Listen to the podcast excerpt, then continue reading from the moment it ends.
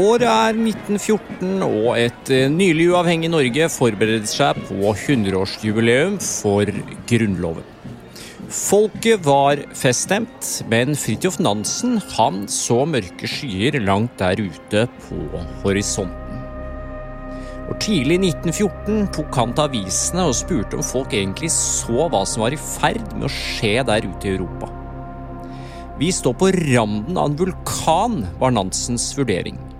Og august samme år brøt første verdenskrig ut, og nok en gang trådte Nansen frem på den norske scenen. Han ble president i Norges forsvarsforening og dro straks ut på turné for å agitere for et sterkere norsk forsvar. Det ble starten på et langvarig samfunnsengasjement som førte Nansen ut i Europa til flyktningarbeid, sultkatastrofer og folkemord. Og det var for denne humanitære innsatsen at Nansen ble tildelt Nobels fredspris i 1922. Dette er Alt var bedre før. En podkast av Forsvarsmuseet.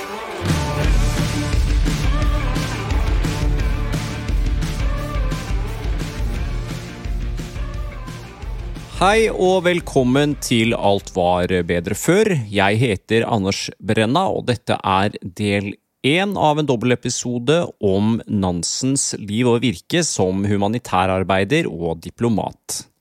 Med meg i studio har jeg Harald Dag Gjølle, som er historiker ved Polarinstituttet og har skrevet en tobinds biografi om Fridtjof Nansen. God fornøyelse.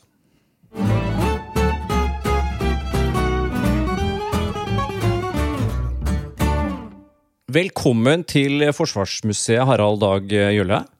Takk for det. Eh, ikke bare er du Nansen-ekspert, men du har selv vært på flere polarekspedisjoner, er det, er det riktig å si? Ja, det kan man si. Ja. Ja. Hva er det med isødet som eh, tiltrekker deg? uh, nei, jeg er, jo, jeg er jo glad i å dra på tur. Uh, og så har jeg vært heldig og hatt muligheten til å både komme på ski og, og ekspedisjoner både i Arktis og Antarktis, og det er jo veldig fascinerende.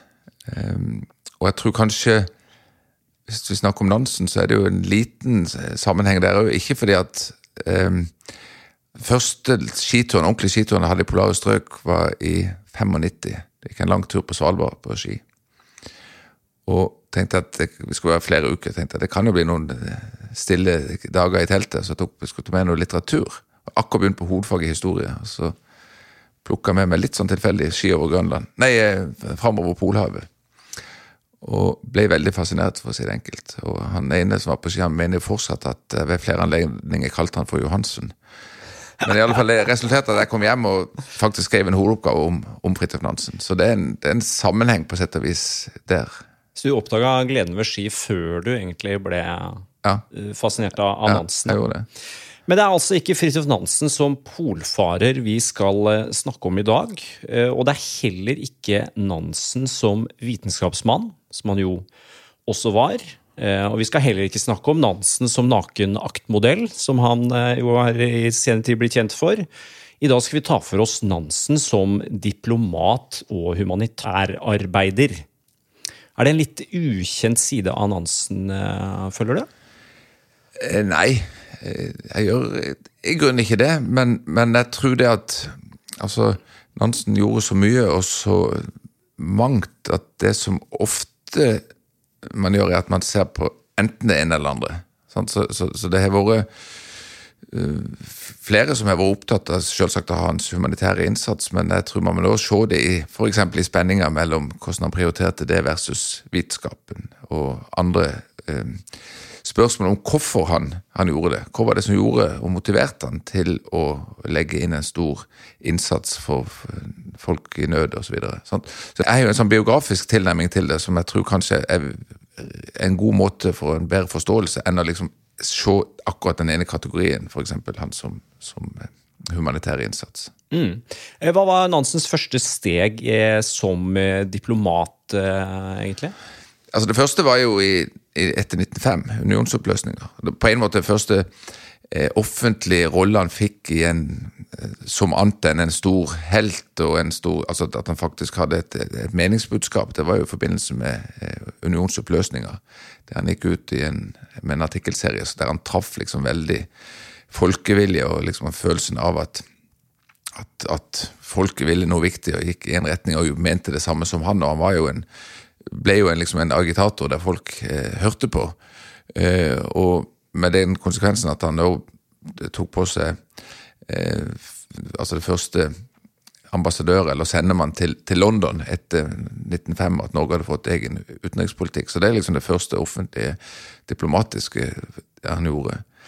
Eh, så kom han et, i forbindelse med utbruddet av første verdenskrig til å få en, en, en ny offentlig rolle som en politisk aktør, men ikke partipolitisk, det er viktig å si. altså En politisk aktør i form av å komme med et budskap.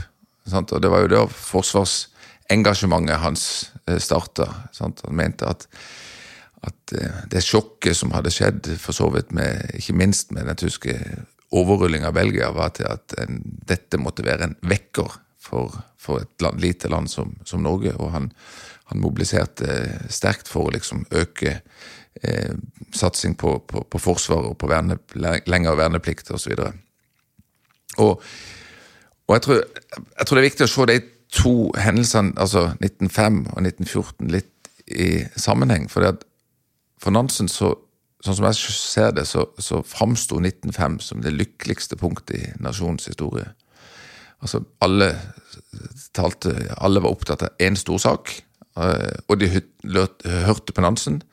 Han snakket med utestemme, og liksom alt var riktig. Og så, på relativt kort tid, så får han en følelse av at det store alvoret, det store mm, enigheten, altså forsvinner. Igjen begynner man å diskutere målsak og avholdssak og lokaliseringsstrid. altså sånn små, Ifølge Nansen smålåtende ting som, som, bare fører til splid. Eh, og Ibsen dør og Bjørnsen dør, og liksom det er store. sant? Samtidig så skjer det jo en veldig, altså Samfunnet er jo en veldig stor endring i de årene, fra en, ikke minst med en, en, en radikalisert arbeiderklasse som, som, som vokser.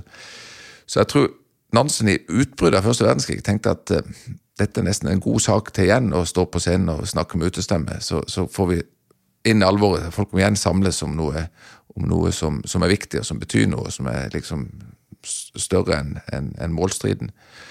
Um, men da fikk han ikke folk med seg. Altså For første gang så, så, så opplevde han at, at uh, fra, altså Enkelte, ja, men, men han opplevde mye kritikk, ikke minst på venstresida, at dette er forsvarsmannen, dette er nesten høyre, høyremann plutselig blitt, ikke vel, osv. Selv om han da prøvde å si at dette, dette er større enn partipolitikk. Dette er liksom for, for, for, for at folk skal forstå alvoret. Var veldig tydelig på at dette ikke var partipolitikk. Så litt overraska og skuffa opplevde at, at, at, det var ikke nok å være Nansen og snakke med utestemme. Eh, han klarte ikke å mobilisere det han hadde, hadde håpa.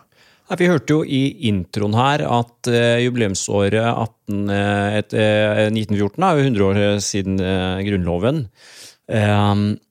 Nansen var bekymra, men daværende statsminister Gunnar Knudsen han har blitt stående med det litt uheldige sitatet i ettertid, hvor han da før utbruddet av krigen uttalte at det var skyfri himmel over Europa. Så langt øyet kunne se. Det var, her var det ingenting å frykte. Men Nansen var altså ute tidlig, i 1914, lenge før utbruddet, og advarte om utviklingen i Europa. Hva er det Nansen så som ikke Gunnar Knutsen eh, så? Det var jo flere som, som, eh, som så dette her. Sant? Så jeg, jeg, vil ikke si at han var profet i, i forståelsen, men, men allikevel så tror jeg ikke det var knapt noen som så alvoret, så hva det kom til å bli. Sant? Man skjønte at her er det, det bygges opp, men, men mange trodde at dette skulle bli en kort, uh, grei avklaringskrig. Sant? Ingen som hadde sett for seg at dette skulle bli et helvete med skyttergrav i år, altså mange år framover. Jeg tror det er riktig å si at heller ikke han så alvoret i, i, i, starten.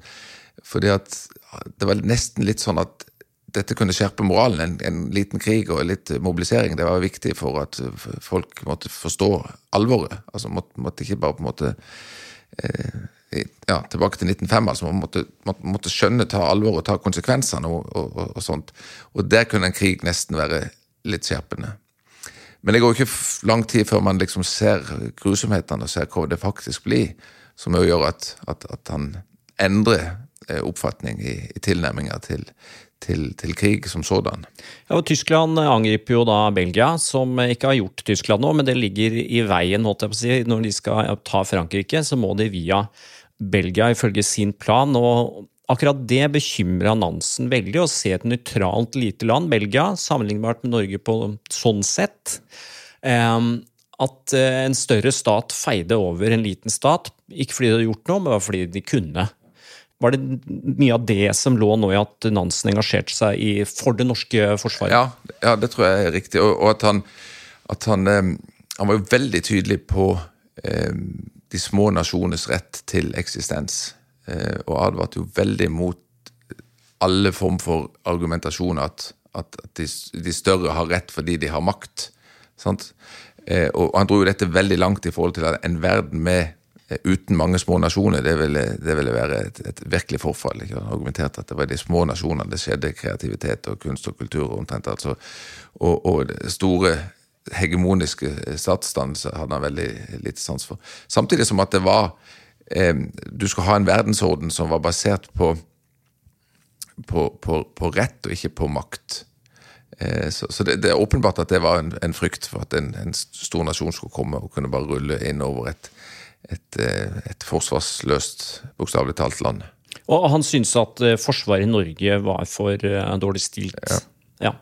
Definitivt. Hva, hva er det han ville konkret styrke Han ville jo ruste opp generelt, og ikke minst så ville han øke verneplikten. Det var det viktigste. altså det Hovedbudskapet var at det ett, skulle bli ett års verneplikt. Hva var det?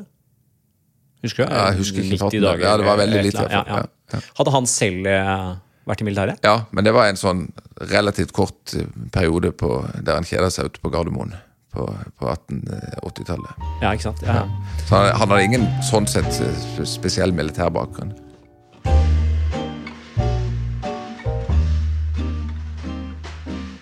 Eh, Det, det diskuteres jo til den dag i dag hva som var årsakene til første verdenskrig. Hadde Nansen noe innspill på hva, hva han mente var årsakene til eh, krigen? Eh, ja, det kan jeg si. Altså Nansen forklarte jo veldig mye av dette her med en uheldig alliansepolitikk og eh, eh, på en måte diplomater uten perspektiv. Han, han, han forklarte dette, at dette er liksom folk som, som har i mørke kjellerkroken nærmest avtalt og, og, og, og lagt allianser og styrt heia uten å ha de rette perspektivene. Så, så han tillegger mye, mye at det blir kjedereaksjon i forhold til, i, i forhold til krigens omfang.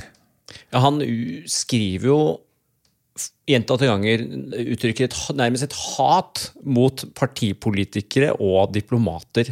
Han er ingen det- fan. Ingen fan. Det, det er altså Han bruker jo eh, rotte og eh, altså bakterier, jeg vet ikke hva han kaller på en måte eh, diplomater og alliansepolitikere som, som, som, som eh, går i mørke kjellerkroker og, og, og, og, lager avtaler som er helt usunne. Ja, ja. Um, og der er det jo, der er det jo Jeg syns jo er det et veldig interessant perspektiv på altså, Når grusomhetene ved første verdenskrig virkelig går opp for ikke, ikke bare for Nansen, men for, for, eh, for folk flest, så er jo en av Nansens budskap eh, og reaksjoner er jo at, at altså Han skriver boka 'Friluftsliv'? Som, som vi kjenner som en bok om på ski over fjell, og liksom inspirasjon til norske friluftslivstradisjon osv. Eh, men den er jo ganske ramsalt i sin kritikk en, i enkelte kapitler av den krigen som foregår. Og Nansen skriver jo til sin amerikanske forlegger at, at en av ambisjonene med det er jo at, at eh, hans på en måte kritikk av, av krigen, og en tanke om at hvis folk hadde kommet ut og opp og under en større himmel og ut i, i friluft, så ville de ikke gått tilbake og, og gått i skyttergravene. Altså det, er en- måte å, å ha et, et budskap på at en sånn type tilnærming til å se livets herligheter fra fjellet omtrent, det vil, det vil skape en annen tilnærming og liksom være um, Ja, så, som, som at det, ligger et, et åpenbart et, et fredsbudskap i, i den eh, boka. Eh, hva var Nansens syn på nasjonalisme? Nasjonalisme har jo fått en litt eh, dårlig, litt dårlig rykte etter eh, andre verdenskrig spesielt. Eh, men han diskuterte det litt, altså imperialismen versus nasjonalismen i, um, i kjølvannet av utbruddet av første verdenskrig. Hva var hans syn på imperialismen og nasjonalismen? Altså, Nasjonalisme i form av fedrelandskjærlighet federlandskjærlighet osv., det var han jo så holdt på å si, så nasjonal og så, som, det, som det er mulig å tenke seg. Eh, mens imperialisme i form av og kolonialisme osv., det har han jo vært veldig kritisk til eh, helt fra han var på Grønland. Altså Etter Grønlandsekspedisjonen så kom han jo tilbake og skrev boka 'Eskimoliv'. Der han egentlig er knallhard i kritikken, ikke bare mot danskene eller europeernes framferd på Grønland, men liksom hele kolonivesenet i hele i, både i Afrika og i Asia osv. Han, er, han er påfallende tidlig ute med å, å, å, kritisere det. Og han har en sånn iboende frykt for homogene, store samfunn, der det ikke er rom for, for individet og individuell eh, tenking. Mm. Eh, du var jo innom det. Under krigen, 1917, så blir Nansen sendt til USA for å handle frem, eller forhandle frem en handelsavtale med USA. Hvorfor, eh, hvorfor tenkte vi det? Jo, fordi at eh, Norge var jo nøytralt. sant? Og for å opprettholde nøytraliteten så måtte man jo handle med bl.a. Tyskland.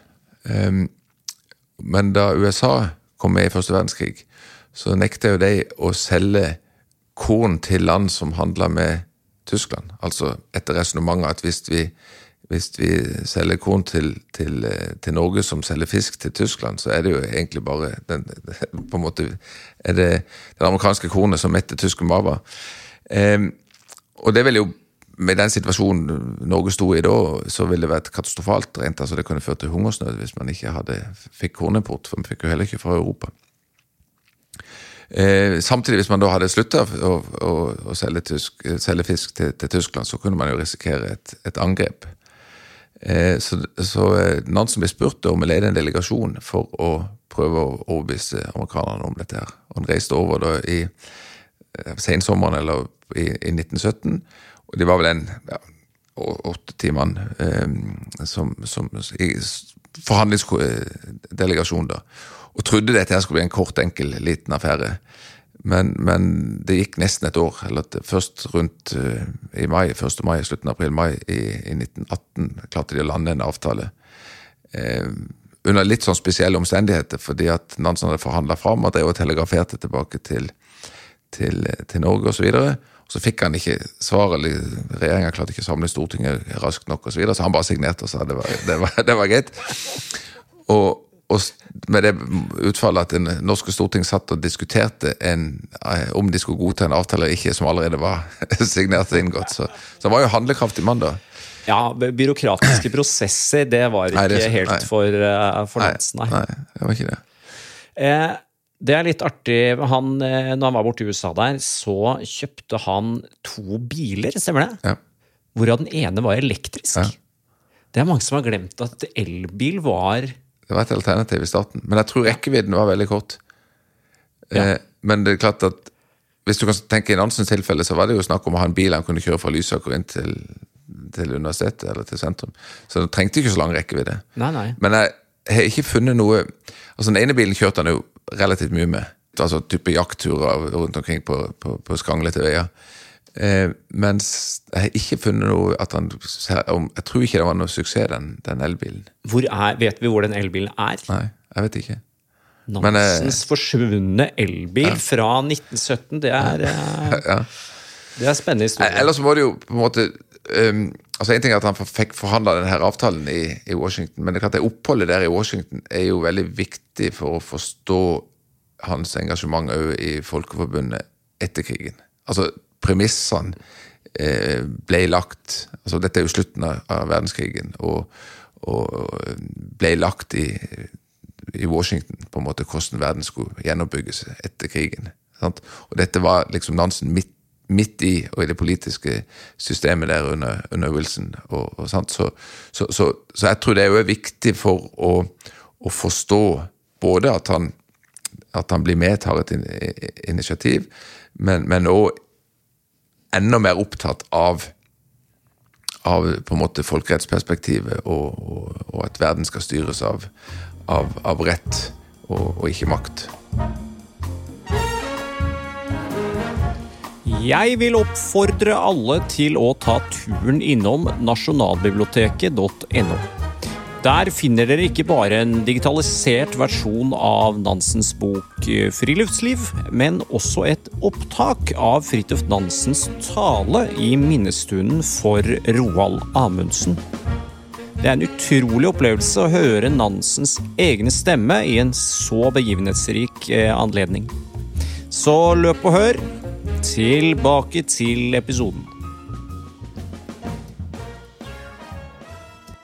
Vi kan hoppe til det. vi. Det var altså Folkeforbundet i kjølvannet av første verdenskrig. På initiativ av amerikansk president Woodrow Wilson så ble det oppretta Folkeforbundet, eller Nasjonenes forbund, som det også het. Eh, hva var Nansens respons på det som et, et, fredsbevarende tiltak? For han hadde jo, som vi har vært inne på, bare et par år tidligere sagt at han var rimelig skeptisk til store stater og store forbund. Og dette var jo et gigaforbund. Ja, men han, hva, hva, tenkte han? Ja, han, var, han Dette så han på som, som løsninger. Altså, dette, dette har han veldig, veldig, veldig tro på. Eh, men om han Altså, det er nok litt tilfeldig at han, at han sjøl får en, en rolle i, i, både i utforminga og som, som, som, norsk representant, i, som han da får helt til han, dør. Eller norsk delegat. Og det er litt viktig i i forståelsen av Nansen, tror jeg, er at det er lett å se det i ettertid at dette henger sammen. at Han hadde nærmest en plan at han skulle bli ute og bli en, en stor internasjonal aktør. eller.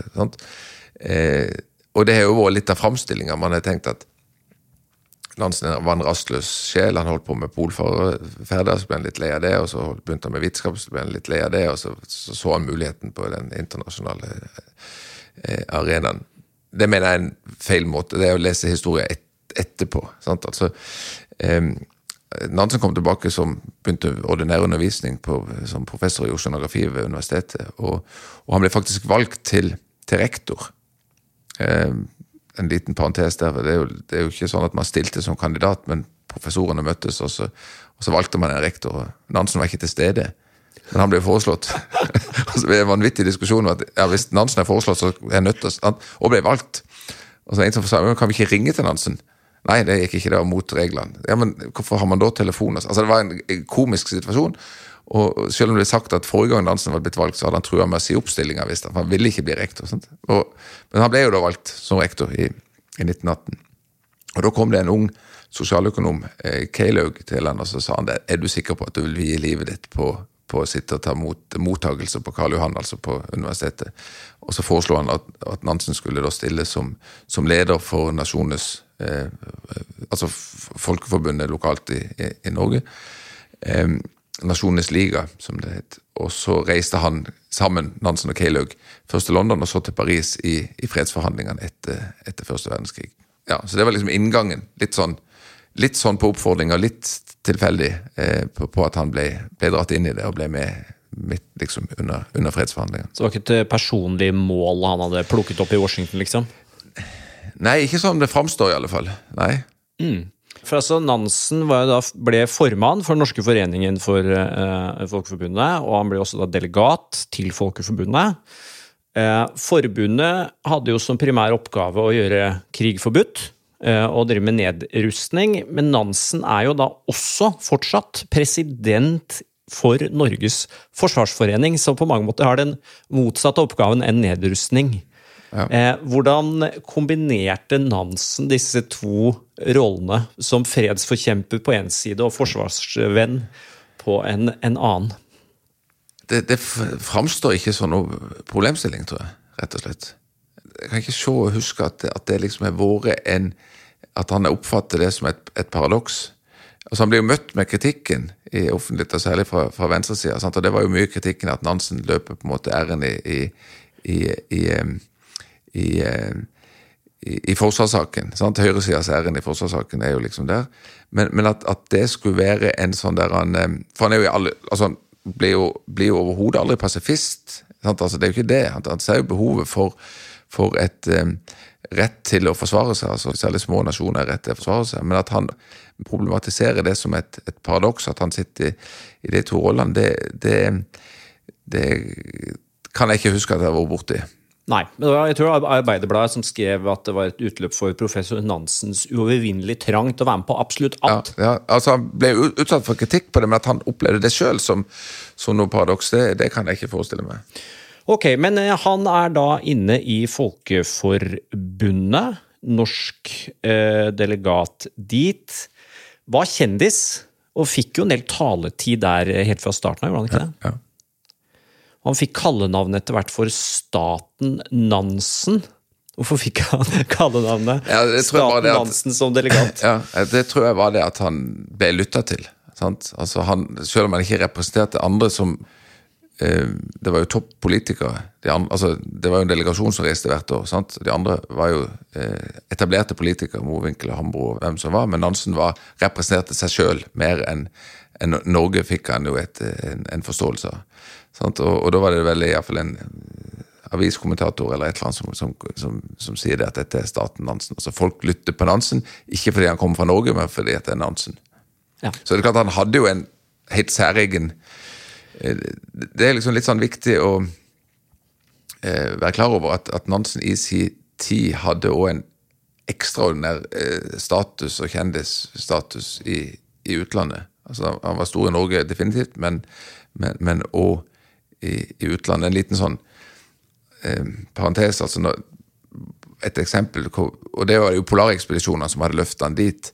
altså Da han reiste til USA på foredragsturné etter Framekspedisjonen og skulle gå om bord i Liverpool på, på Amerikastimeren, det var 1600 passasjerer, og alt stoppa opp fordi at Nansen var der.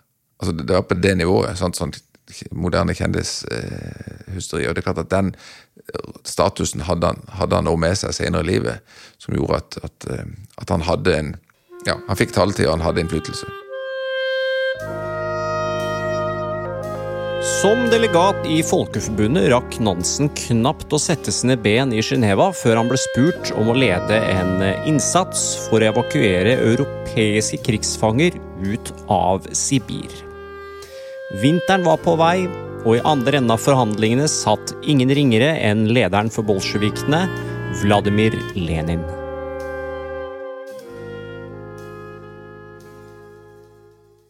Så det ble Nansens første store eh, prosjekt, å lede det. Og det var ubetinga suksess. Altså, jeg tror det var 450 000 eh, krigsfanger gjennom det prosjektet som, som, som ble sendt, sendt hjem, holdt jeg på å si.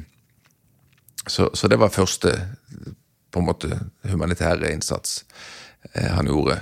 Det, det var et oppdrag han konkret ble spurt om, takka ja, og når han var ferdig, så takka han for seg og skulle tilbake til vitenskapen. Det var liksom gjennomgangsmelodien i, liksom i alle hans, hans eh, prosjekt. Så ble det jo neste ble jo det store spørsmålet om, om man kunne gjøre et initiativ for å komme med, med hungersnødshjelp til, til Russland. Ja, for da har det jo vært krig i Russland etter revolusjonen. Borgerkrig. Ja. Russland har blitt Sovjet, og de har ikke akkurat hatt veldig god tid til å ta vare på avlingene. Eh, og det er en ganske fryktelig hungersnød på vei. Ja. Og igjen blir Nansen Han blir først spurt om han kan, kan gjøre det, og takke nei. Eh, og så får han noen henvendelser som han skjønner virkelig alvoret, eh, og, å ombestemme seg og gjøre det. Og, og litt av bakteppet her er at, at uh, Sovjetunionen anerkjenner jo ikke Folkeforbundet, og de anerkjenner jo ikke disse, eller de, de vil ikke ha noe å gjøre med, med, med de vestlige statene. Uh, altså, du vil ikke ta imot hjelp fra det. Tilsvarende er det jo veldig skepsis i, i Vest-Europa for å skulle hjelpe Russland og, og på en måte subsidiert eh, anerkjenne bolsjevik-regimet. Så det er veldig motsetninger i dette her. Men Nansen har jo da i kraft av sin posisjon eh, en, en sånn rolle at de oppretter noe som rett og slett heter Nansenhjelpen. At han da, i kraft av en organisasjon som da er finansiert helt på eh, mange forskjellige måter, men gjennom han så blir det legitimt for, for russerne å si at ja, vi kan ta imot hjelp fra, fra Nansen. For han, han er selvfølgelig også superkjendis Ja, ja, han, i han er i en veldig, veldig, veldig posisjon i, i, i Russland. Både tilbake til som framekspedisjon, at han, det var jo Russland, Nord-Russland han reiste gjennom, men så gjorde han jo en reise i 1913 gjennom hele Sibir. Og, og skrev ei bok som på norsk heter, heter 'Gjennom Sibir', eller 'Gjennom Sibirien'.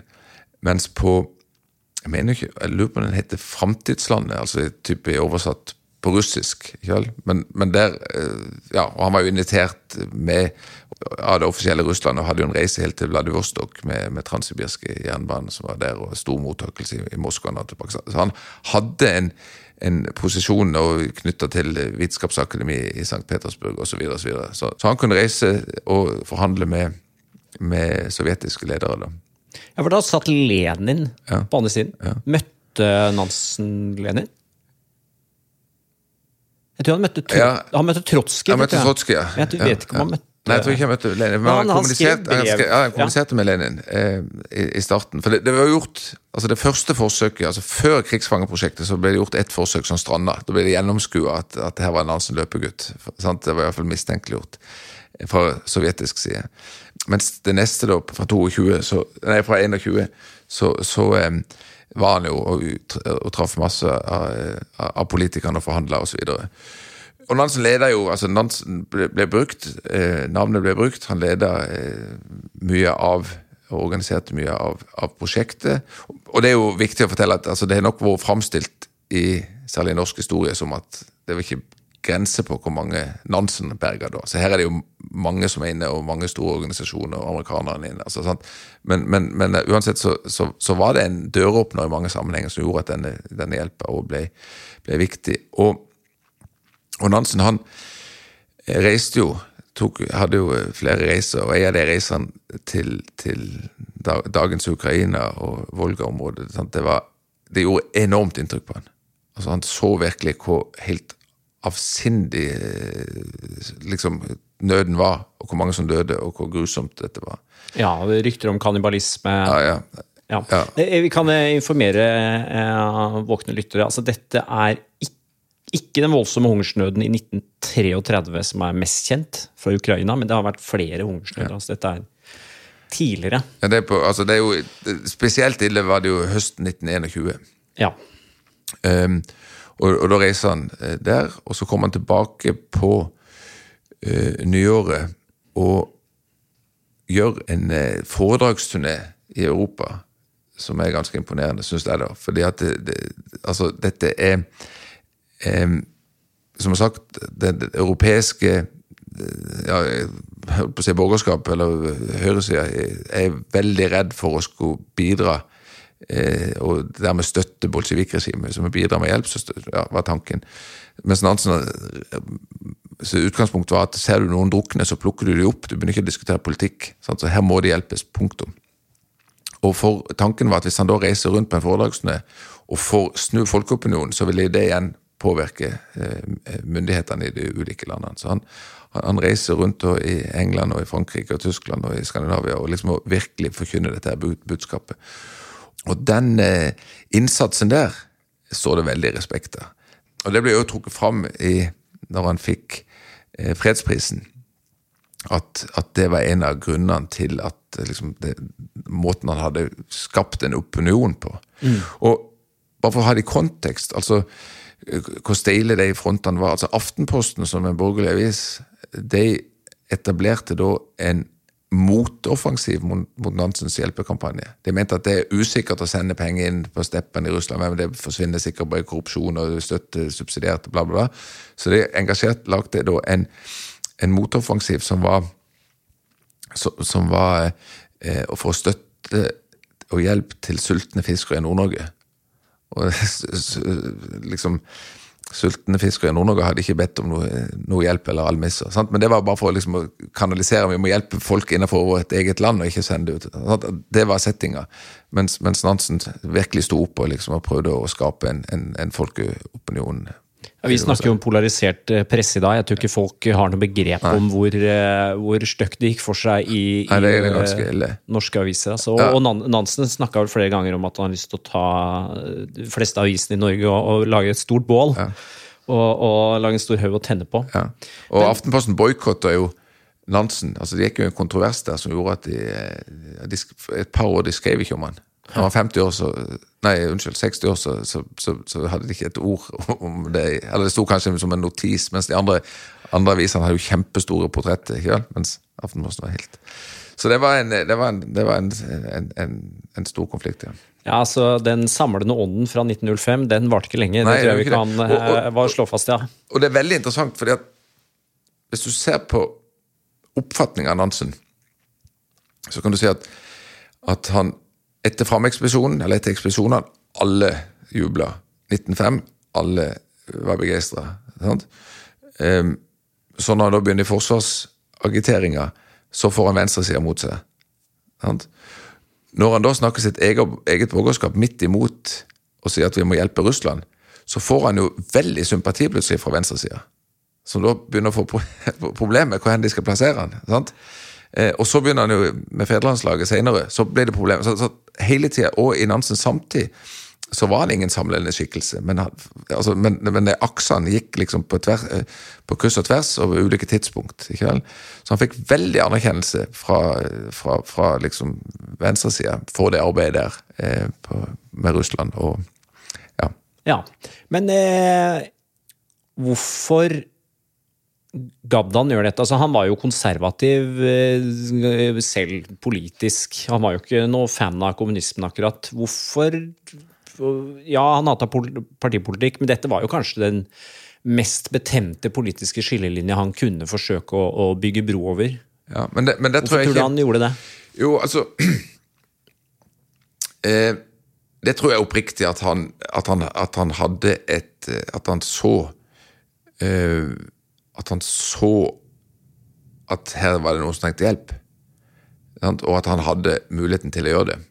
Altså, Nansen Jeg tror det. At Nansen var overbevist om at hadde, han hadde ekstraordinær om ikke ekstraordinær evne, men han hadde en kraft, bruker vel begrepet kraft i seg? Eh, til å gjøre den store forskjellen.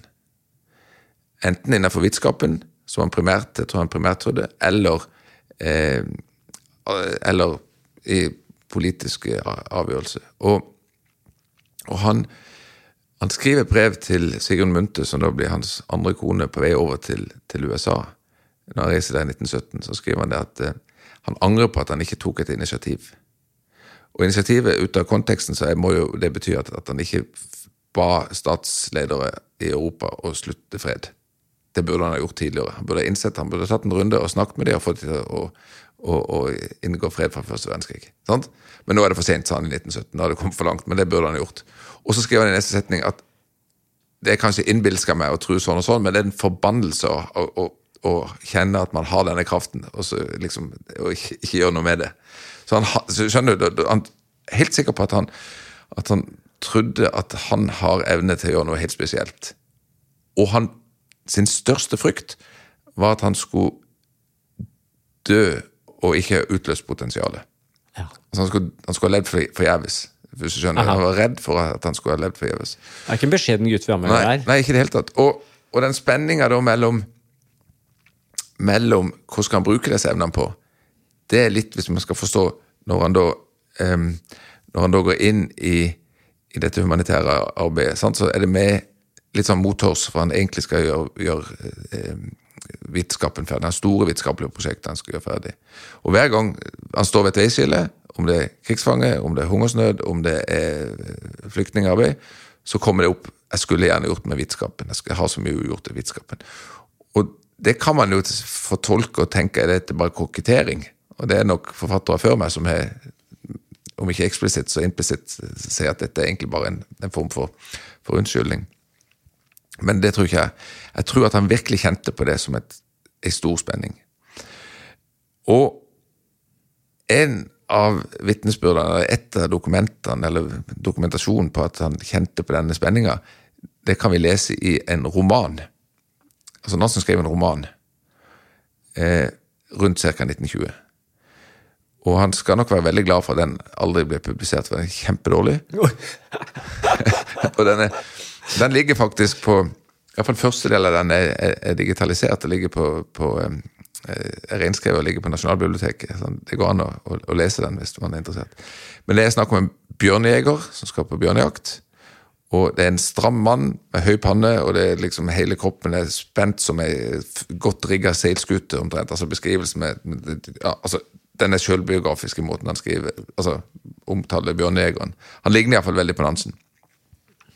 Og han her bjørnejegeren treffer ei, ei dame på fjellet eh, som har mast seg å være med, og det er en dialog mellom de to. Og det går liksom på Hun er kritisk for at ikke han tar et samfunnsansvar. Det ligger og venter sosiale oppgaver på han. sant? Ja, men sier han, det er så mye å gjøre innenfor vitenskapen. Ja, ja, men, og det er ikke du forutsetning for å skjønne, men bla, bla, bla. Så, så, sånn går dialogen. ikke denne spenninga. Og til forarbeidene til den her, så, så, skriver han 'Hva vil jeg?' kolon. Og så skriver han stikkordsmessig hva som han vil ha fram. Og da, skal, da, er det blant annet så går det det at hun stiller spørsmålet eh, Ja, i det der at hun spør du må ta ansvar. Folket dine krever det. det bla, bla, bla. Alle reiser, alle hører på det, og alle sånn og sånn. Så sier han Men du, hør nå. Hvis en Newton hadde sett at han skulle gjort noen, tatt noen politiske eller sosiale ansvar i sin tid, ville du foretrukket at han hadde gjort det, istedenfor at vi i dag hadde tyngdeloven? Sant? Eller en Darwin, hvis han skulle gjort det, sant? og ikke kjente artens opprinnelse. Så, så, han er liksom i det nivået der han liksom Og, og, og det, det, nå modererer han seg litt og sier at ja, du overdriver altså, ikke, Nå må du ikke få for høye tanker om meg, bla, bla, bla.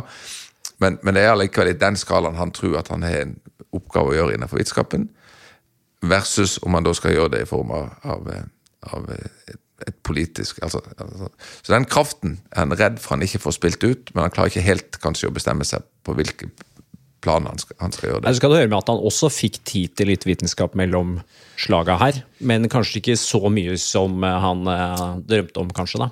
Jo, definitivt fikk han det. Altså, Da han fikk nobelprisen i 1922, så, så um, Den gangen var det sånn at, at, den som fikk det utlevert, eller fikk nobelprisen, ble informert på forhånd.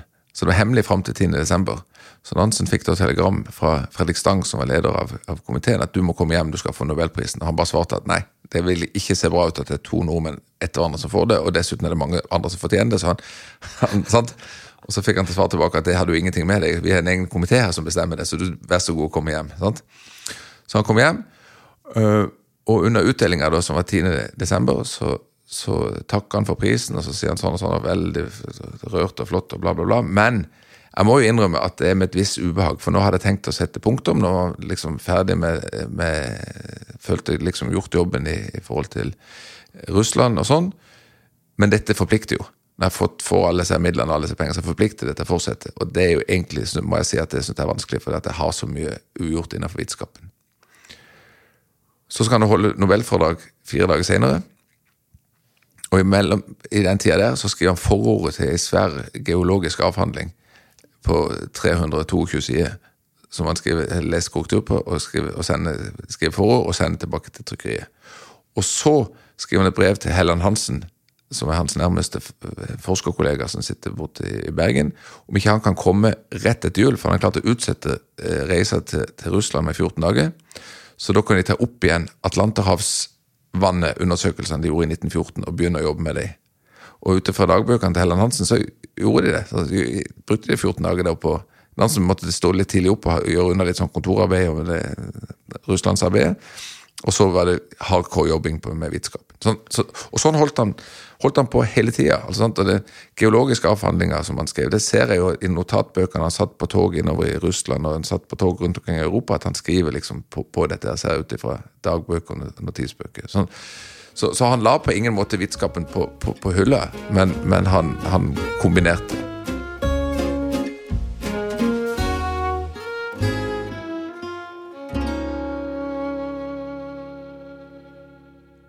Han fikk altså litt eh, midler med mm, fredsprisen, eh, og det skulle han investere inn i Russland. Så han er stadig tilbake der i Sovjet, og det er jo fortsatt betent der. Ja. Um, det var veldig mange som var utrolig redd for kommunismen. Var ikke Nansen redd for kommunismen som ideologi? Jo.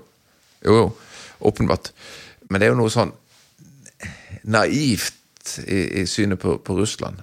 Eh, altså Han skrev jo en bok i 1923 som heter 'Russland og freden'.